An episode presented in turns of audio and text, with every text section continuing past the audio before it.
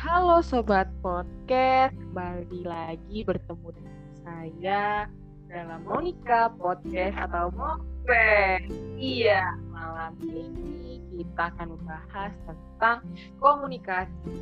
Nah, tapi kalau aku sendiri kan gak enak tuh ya, aku udah bawa bintang tamu asik gak tuh bintang tamu. Aduh, Bintang tamu ini gak sembarang bintang tamu ya guys, mbaknya ya aku clue mbak ya mbak itu merupakan aku cewek yang ya cukup mandiri lah ya terus kayaknya tuh dari luar tuh kayaknya cewek kuat dan tangguh gitu kan nah mungkin mbaknya mungkin langsung langsung perkenalan diri nih mbak halo semuanya. Perkenalkan nama aku Nani. Terus kenalan apa lagi ya? Ya mungkin mbak nomor sepatu mbak atau Aduh, nomor apa pun sepatu. Aduh, nih kalian bisa jangkau aku di akun Instagramnya @naniegwn. Oke, nah buat teman-teman yang udah denger tuh bisa langsung di follow ya kan Mbak ya. Lumayan ya nambah-nambah follower ya. Betul.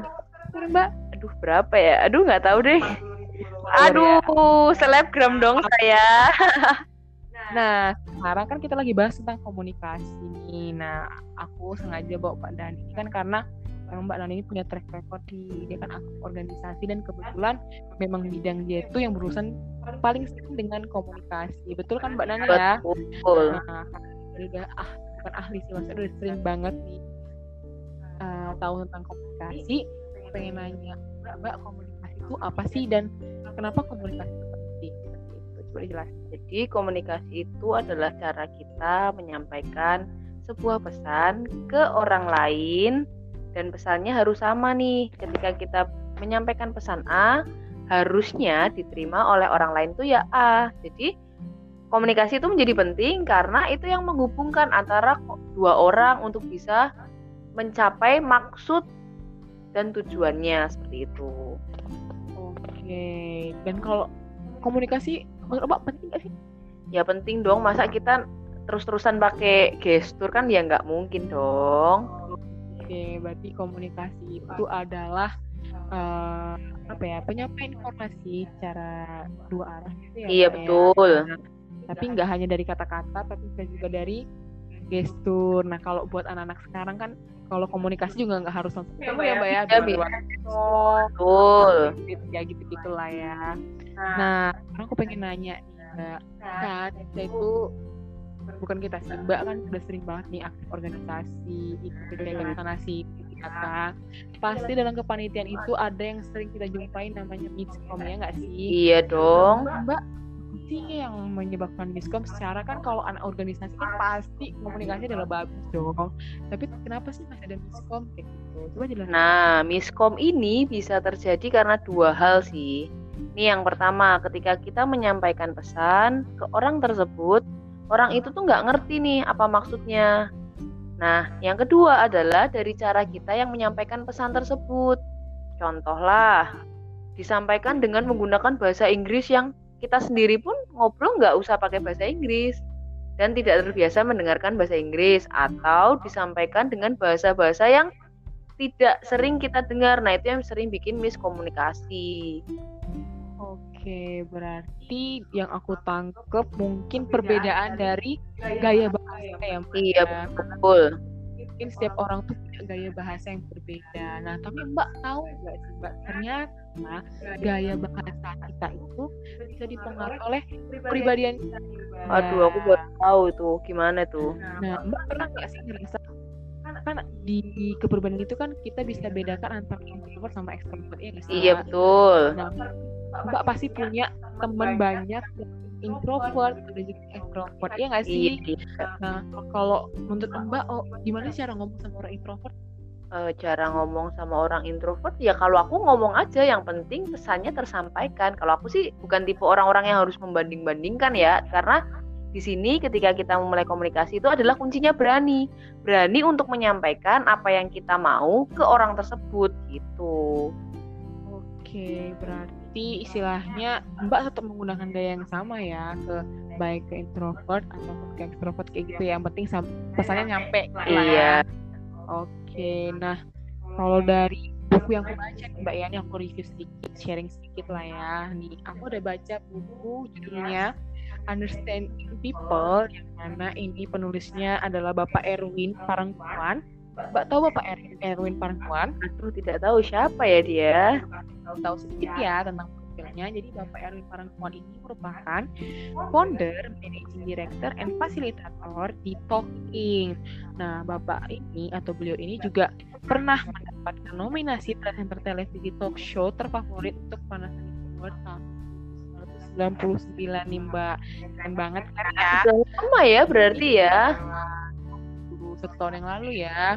Nah, Bapak ini atau beliau ini membahas tentang strategi taktis komunikasi berdasarkan kepribadian. Nah, jadi kan kalau kita kadang Mbak Nani suka nggak sih kayak misalnya ngomong panjang lebar ya kan ternyata orang yang denger tuh nggak nyambung gitu loh, nggak nggak paham apa isi dari pesan Mbak ya nggak sih? Kadang ada Sering, Iya, sering. sering. Nah, ternyata memang kita tuh nih Mbak, kita harus menelaah uh, apa uh, siapa sih yang kita ajak lawan bicaranya itu supaya apa? Karena di buku ini Mbak ternyata ada empat kepribadian Mbak. Waduh, apa aja tuh? nah, dan dari kepribadian empat yang pertama itu ada segesit, sirinci, kuat dan damai dan setiap kepribadiannya itu Mbak punya gaya komunikasinya masing-masing Oh, seperti itu.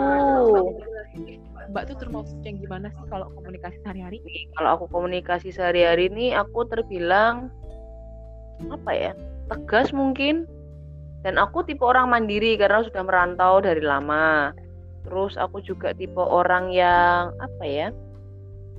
Yang bisa mengerjakan tugas sendiri, bisa mengerjakan secara kelompok, namun lebih sering tugasnya dikerjain sendiri karena biar fokus seperti itu. Kira-kira itu masuk mana ya, Mbak?